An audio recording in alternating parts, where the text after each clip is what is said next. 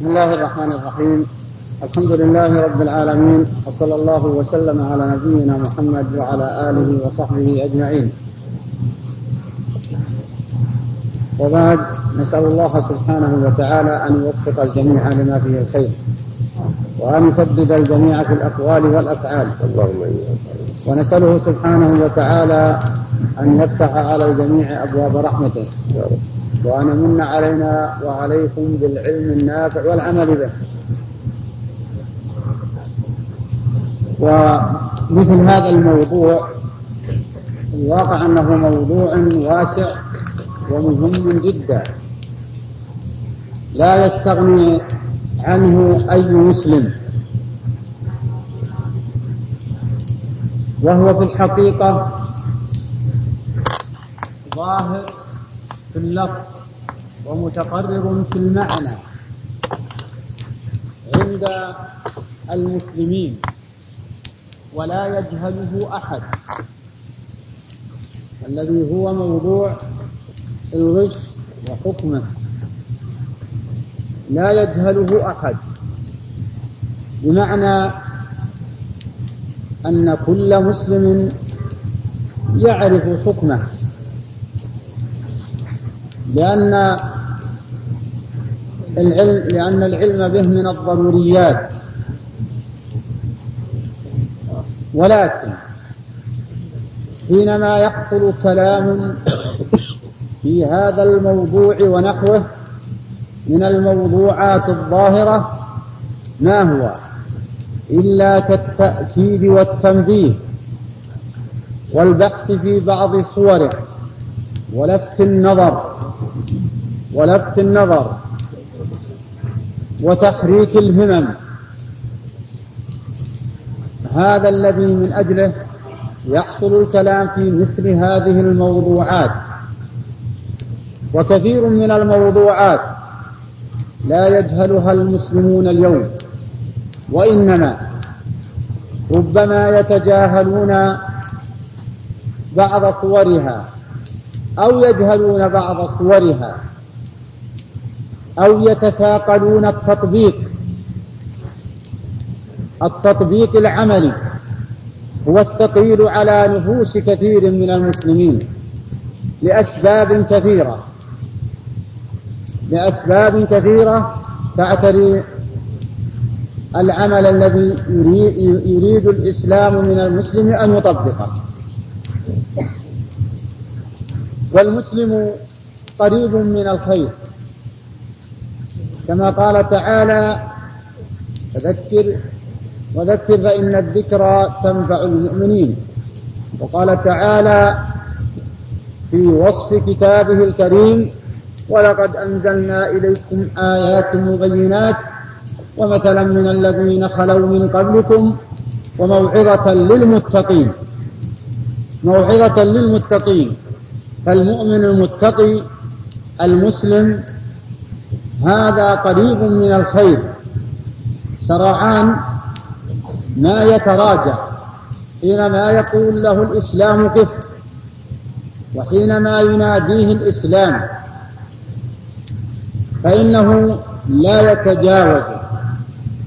ولهذا جاء في القرآن النداءات الكثيرة للمؤمنين بصفة الإيمان. فكثير ما يقول الله جل شأنه يا أيها الذين آمنوا.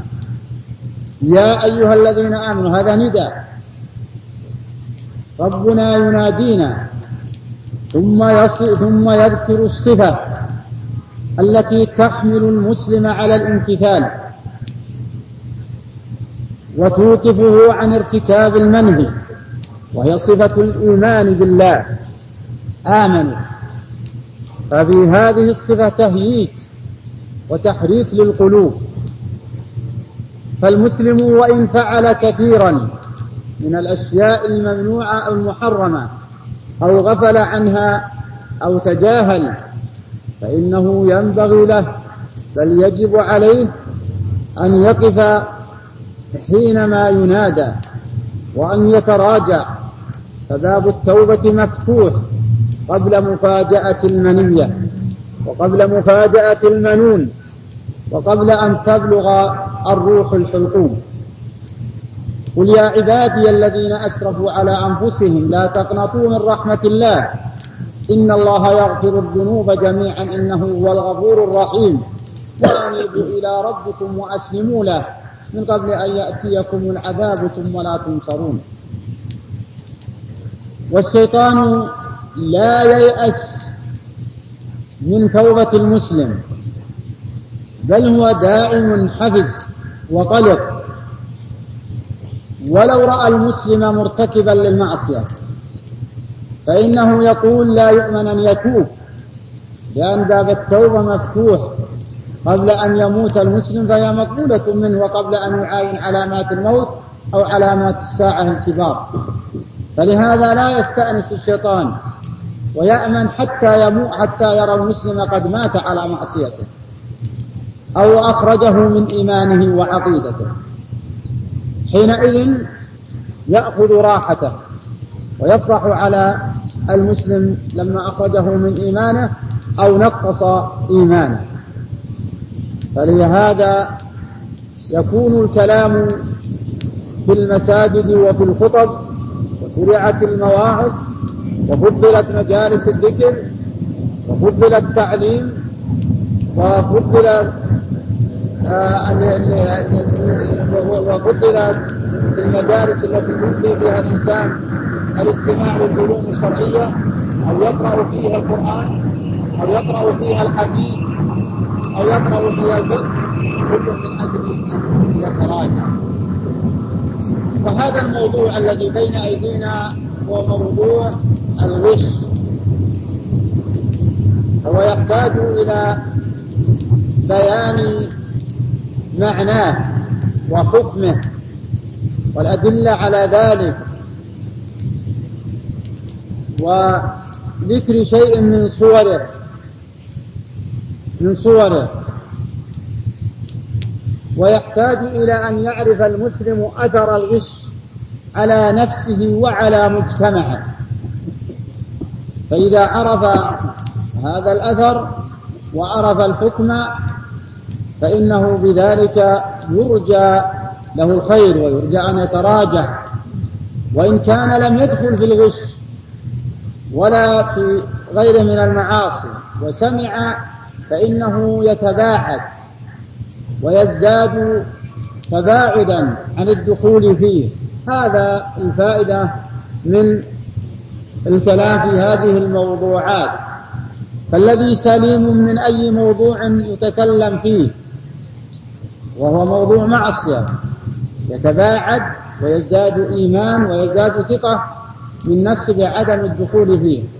وإن كان موضوع الكلام طاعة وواجب فإنه يزداد منه قوة وتمسكا إذا كان يعمله وإن كان لم يعمل هذا الواجب فإنه يزداد منه تقربا.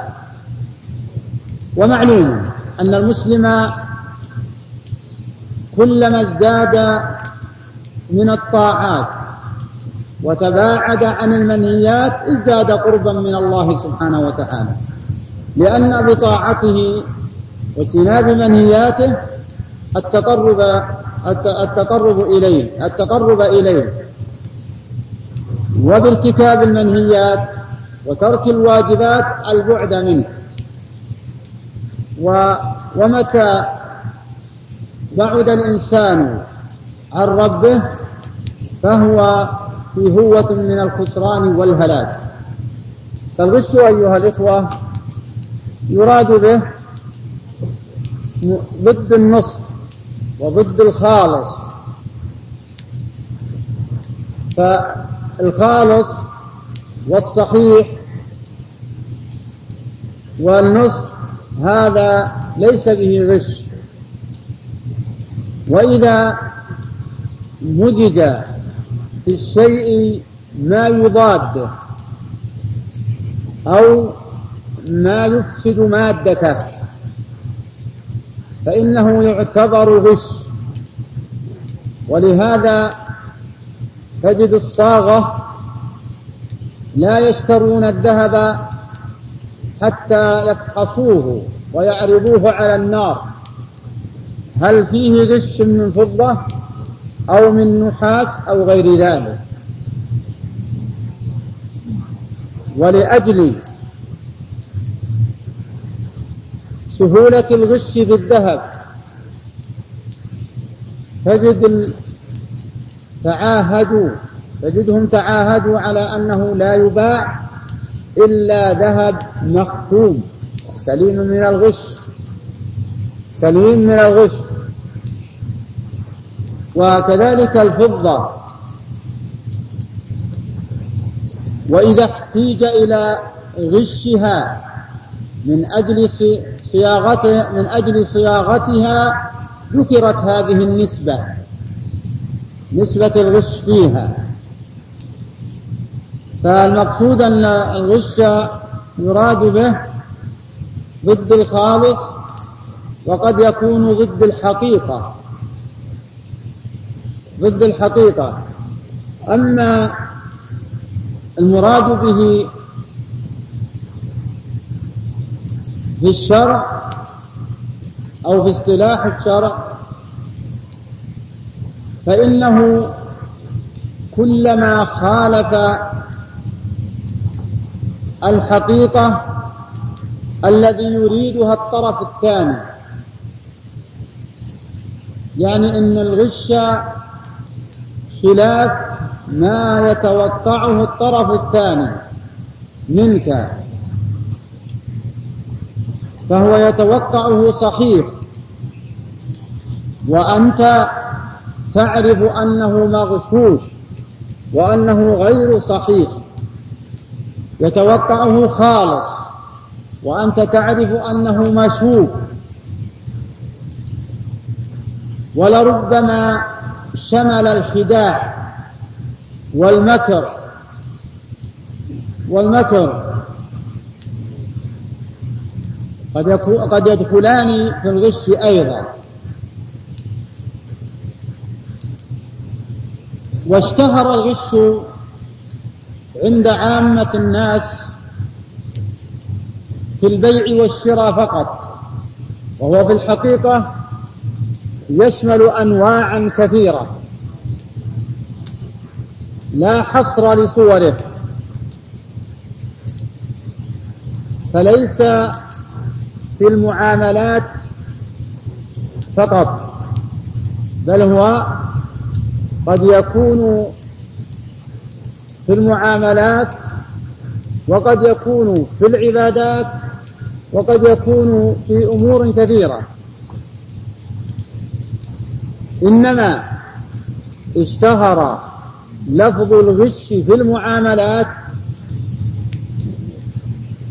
للحديث الذي ورد وسببه المعاملات البيع والشراء. فسبب الحديث في البيع والشراء. ومن أجل هذا اشتهر عند الناس أن الغش يكون في البيع والشراء. ولأنه يجري في البيع والشراء أكثر. لأن البيع والشراء موجود في كل مجتمع ولا يستغني عنه أي فرد أي فرد ولا أي بيت ولا رجل ولا امرأة. ليس فيه هناك إنسان إلا ويبيع ويشتري. فلهذا أخذ الغش الاشتهار في موضوع المعاملات. حكم الغش حرام في الشريعة الإسلامية ولا يجوز والأدلة على ذلك كثيرة منها قوله صلى الله عليه وسلم من غش فليس منا. وفي بعض الروايات فليس مني. الذي دل على التحريم. كون الرسول صلى الله عليه وسلم تبرأ من طريقة الغاش وتبرأ من عمله وتبرأ من فعله وأخبر أن الغش ليس من هديه وليس من طريقته ولا من طريقة أتباعه المحققين العاملين. فإذا كان تبرأ منه الرسول عليه الصلاة والسلام دل على تحريمه لأنه لا يتبرأ عليه الصلاة والسلام إلا من شيء إلا من محرم. إلا من محرم. والحديث له سبب وهو أن النبي صلى الله عليه وسلم مر على صبرة من طعام الصبرة الكومة فأدخل فيها يده الشريفة عليه الصلاة والسلام فوجدت أصابعه بللا.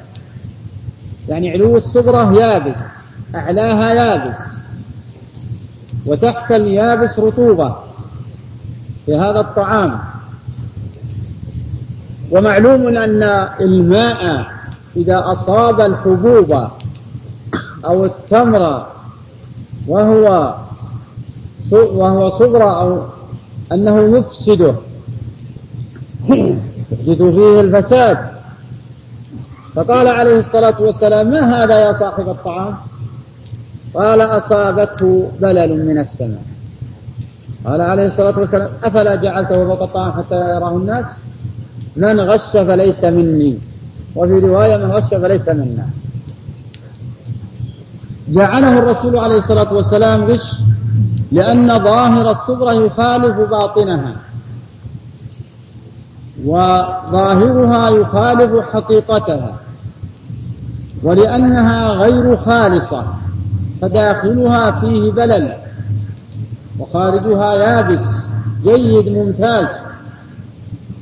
فاعتبره الرسول عليه الصلاة والسلام نوع من الغش. من غش.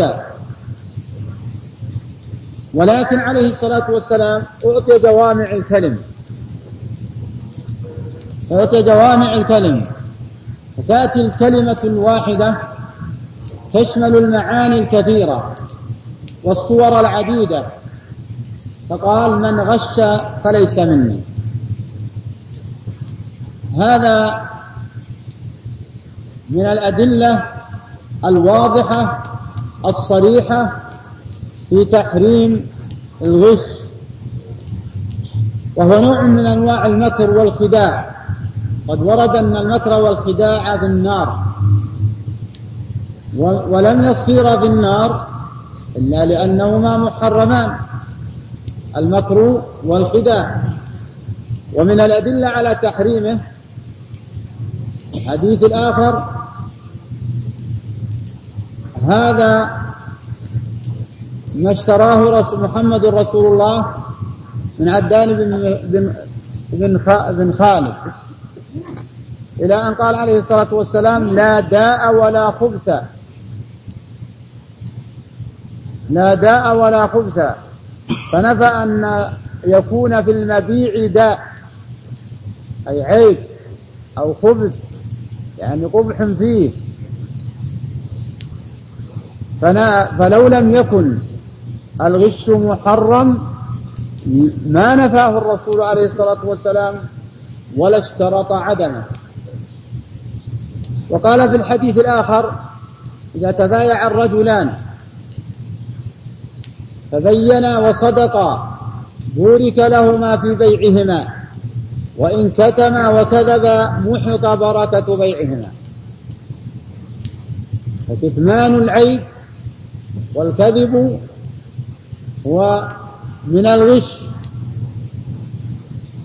فحكم عليه الرسول عليه الصلاة والسلام بمحك البركة. وهل تظن أن الرسول عليه الصلاة والسلام يحكم بمحك البركة على شيء مباح؟ لا.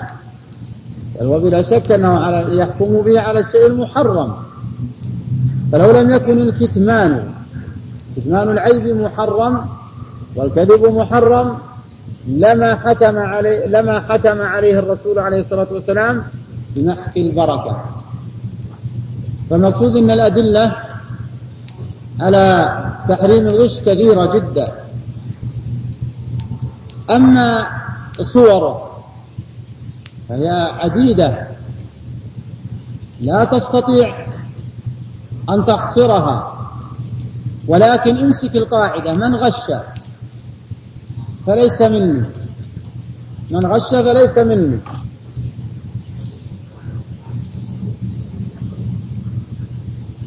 لكن نقف لحظة عند فليس مني. أنتم تعرفون أن مثل هذا في عقيدة أهل السنة والجماعة أنه وعيد يمر كما جاء بمعنى أن أنه أننا لا نحكم أنه كافر الغاش.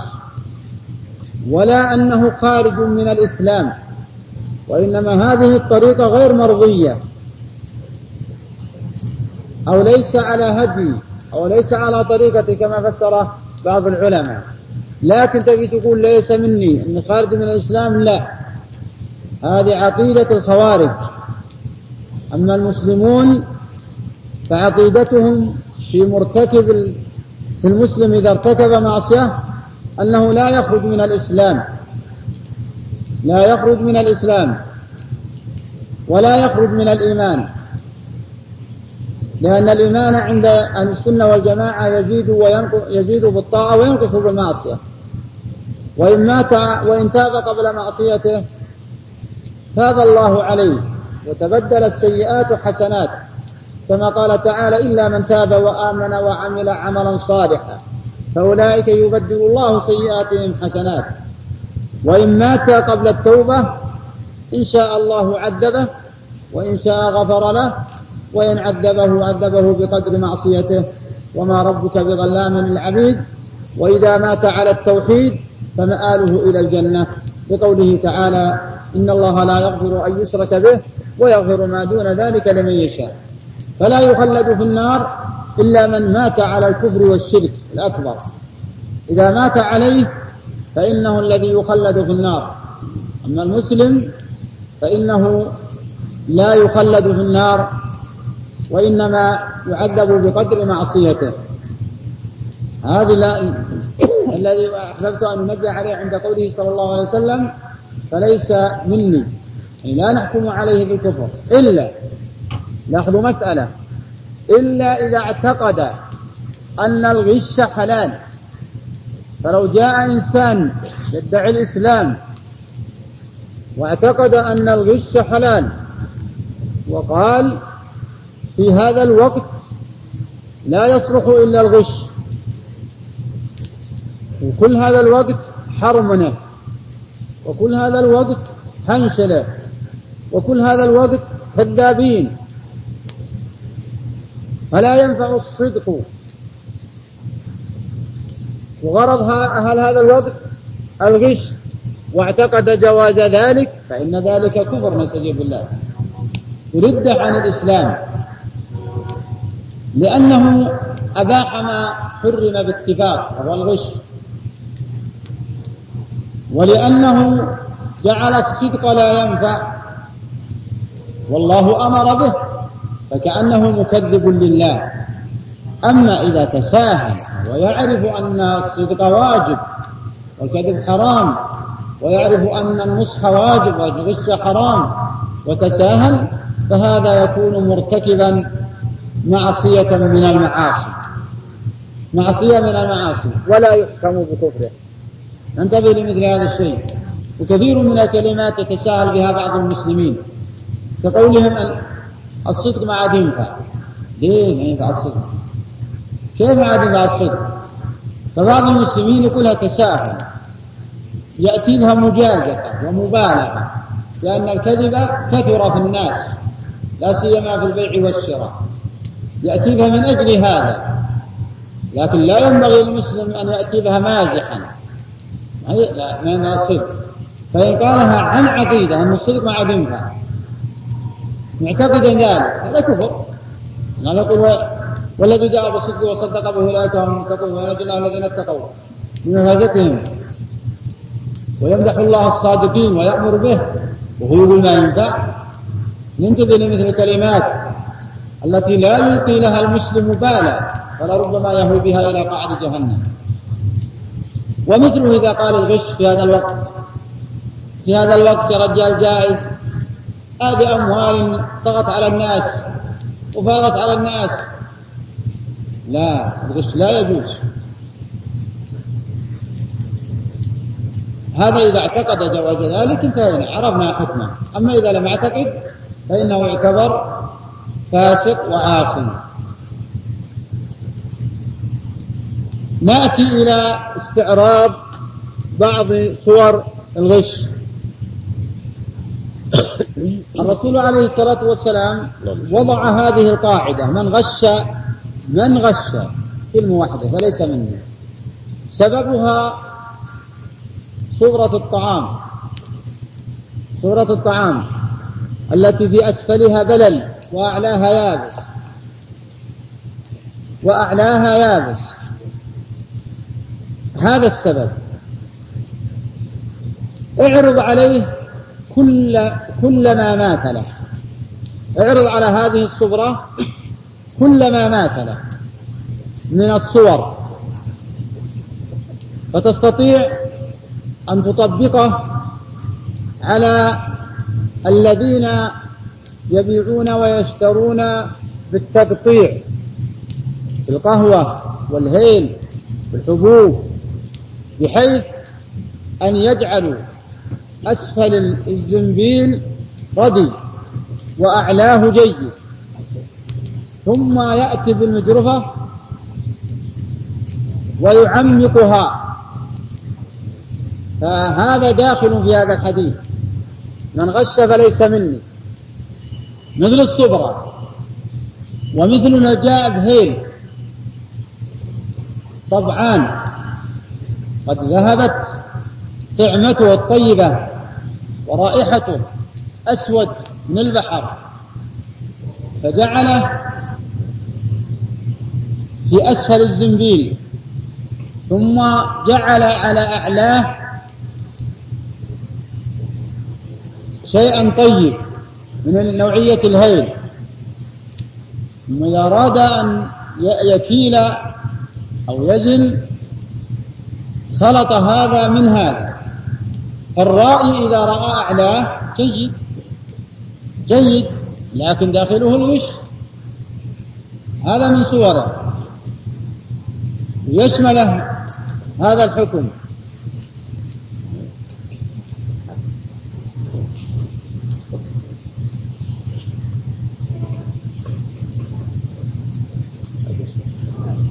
من غش فليس منه.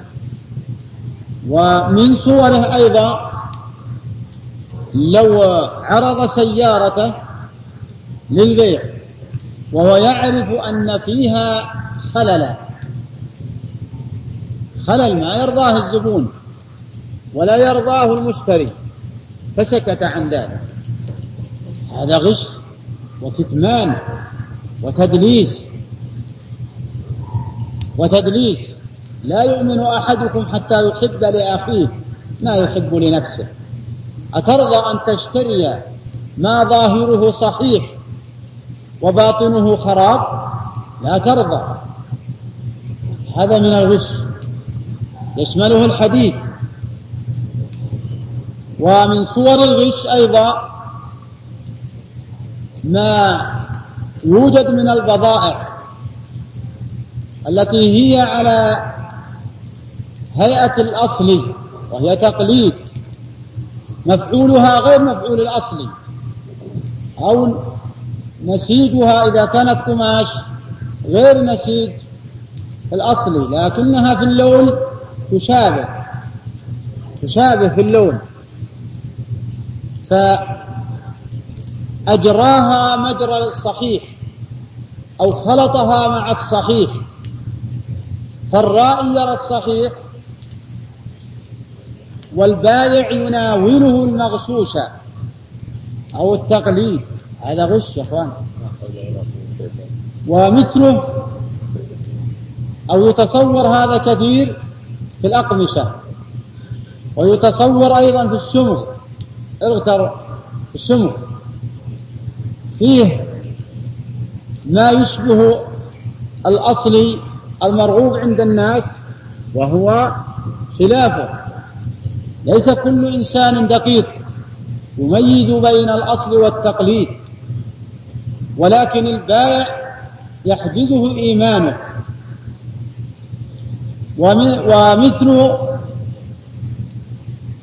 الغش أيضا إذا علمت فساد البضاعة أو فساد السلعة إما لاحتراقها.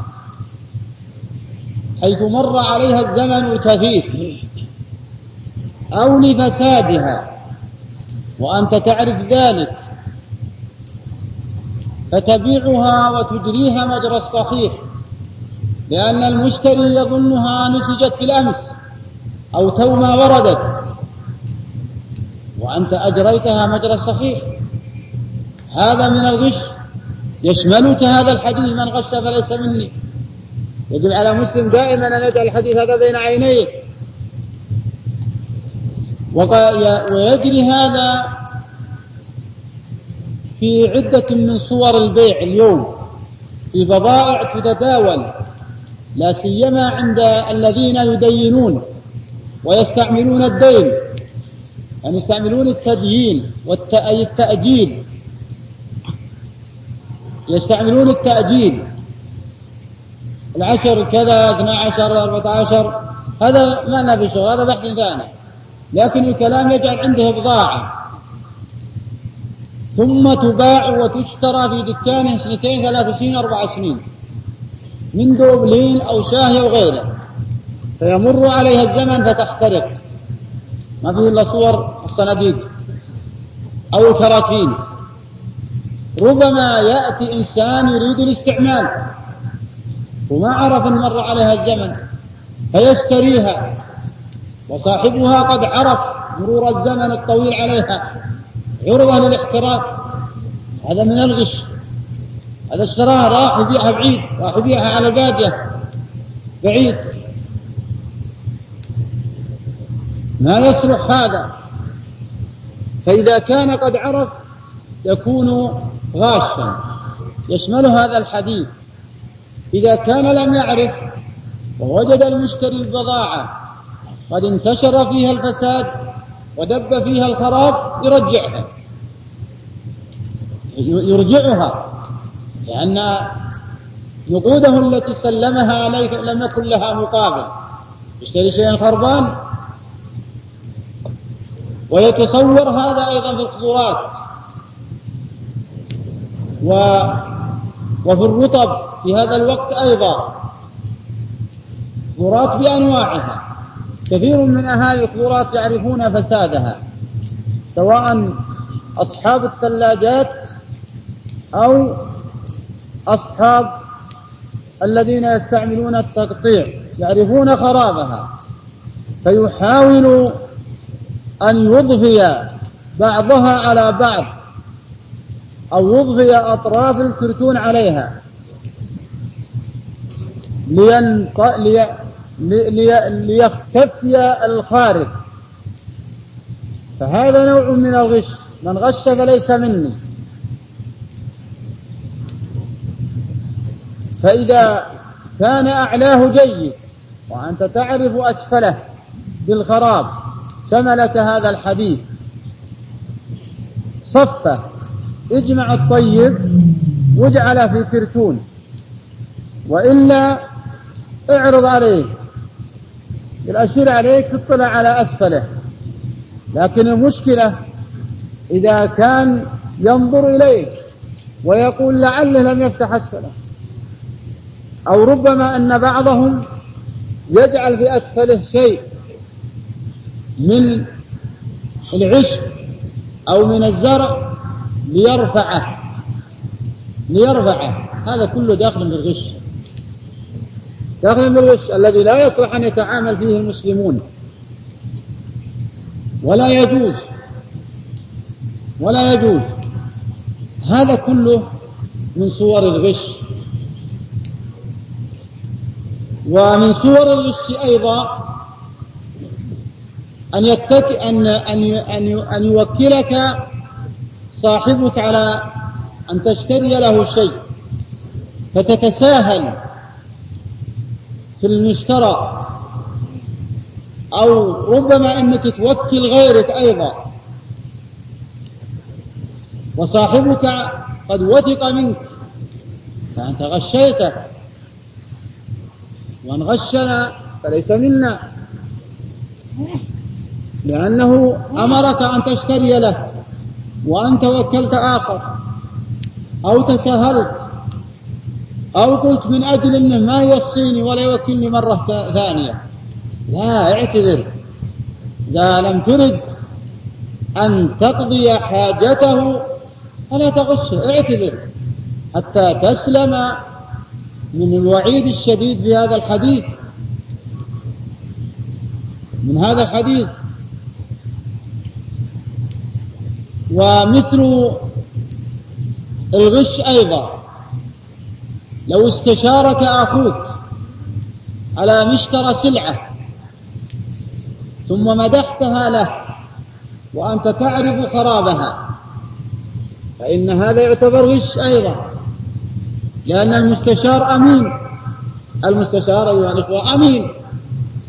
ومثل لو استشارك في امرأة يتزوجها يريد أن يخطبها وأنت تعرف عيبها إما عيب في خلقها أو خلقها فتسكت على ذلك أو ربما تمدحها له. هذا غش لأن المستشار أمين. ولهذا لا يجوز لك أن تبين عيب امرأة من المسلمين إلا إذا استشرت. لزمك بيان عيبها لأجل الحاجة ولأجل النصح. أما أن تبين من غير ما حاجة ومن غير ما استشارة فهذا لا ليس لك الحق في ذلك. ليس لك الحق في ذلك. ومن أنواع الغش أيضا. أن تتولى وظيفة فلا تقم فيها بالواجب. والواجب قد يكون متعبا أو قد يكون باستطاعتك لكن المشكلة أن تعتمد الغش فيها وأن تقصده وأن تقوى وأن لا تقوم ولا بعشير الواجب ولا بعشير ما استطعت. وكثير من المسلمين يستعمل هذه الكلمة. أفعل ما أستطيع. ما صحيح لو كل مسلم فعل ما يستطيع لرأيت لرأيت لنا حالة غير هذه الحالة. والعجيب أن هذه الكلمة مشتهرة على ألسنة المسلمين. إن أمرته بالنصح في الوظيفة قال أنا أفعل ما أستطيع. وإن أمرته بالطاعة قال أنا أنا أطيع ربي بقدر ما أستطيع. يا حبك لأن الله يقول فاتقوا الله ما استطعتم. صحيح. لكن هات إنك جايب ما استطاعتك المشكلة ان إن الكلمة التعذير للنفس موجودة لكن معناها وتحقيق معناها وتحقيقها غير موجود. وما يفكر ما يدري معنى كلمة يستطيع. أو ربما يقول أنا عجيز. أنا عجز متى تقول عجز إذا بذلت الجهد. ووقفت دونك العراقيل. هذا صحيح. أما أن تتساهل تتساهل بالواجب وتتساهل بالمحرم والمكروه وتقول هذا لا أستطيع الله يعلم الله علام الغيوب. فاتق الله عن الغش في عملك في وظيفتك.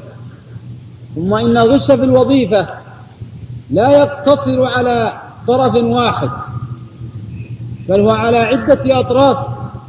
يتناول الغش للدولة يتناول الغش للذي ولاك يتناول الغش لمن وليت عليه يتناول الغش للمسلمين عموما للمجتمع الإسلامي عموما. والرسول يقول من غش فليس مني فتأخرك عن وقتك وجعل الوقت المحسوب عليك تمضيه في بيتك أو في غير ما بأس وغير حاجة ضرورية. هذا غش. تحبس المعاملات. هذا غش. تردد المراجع وصاحب الحاجة. هذا غش.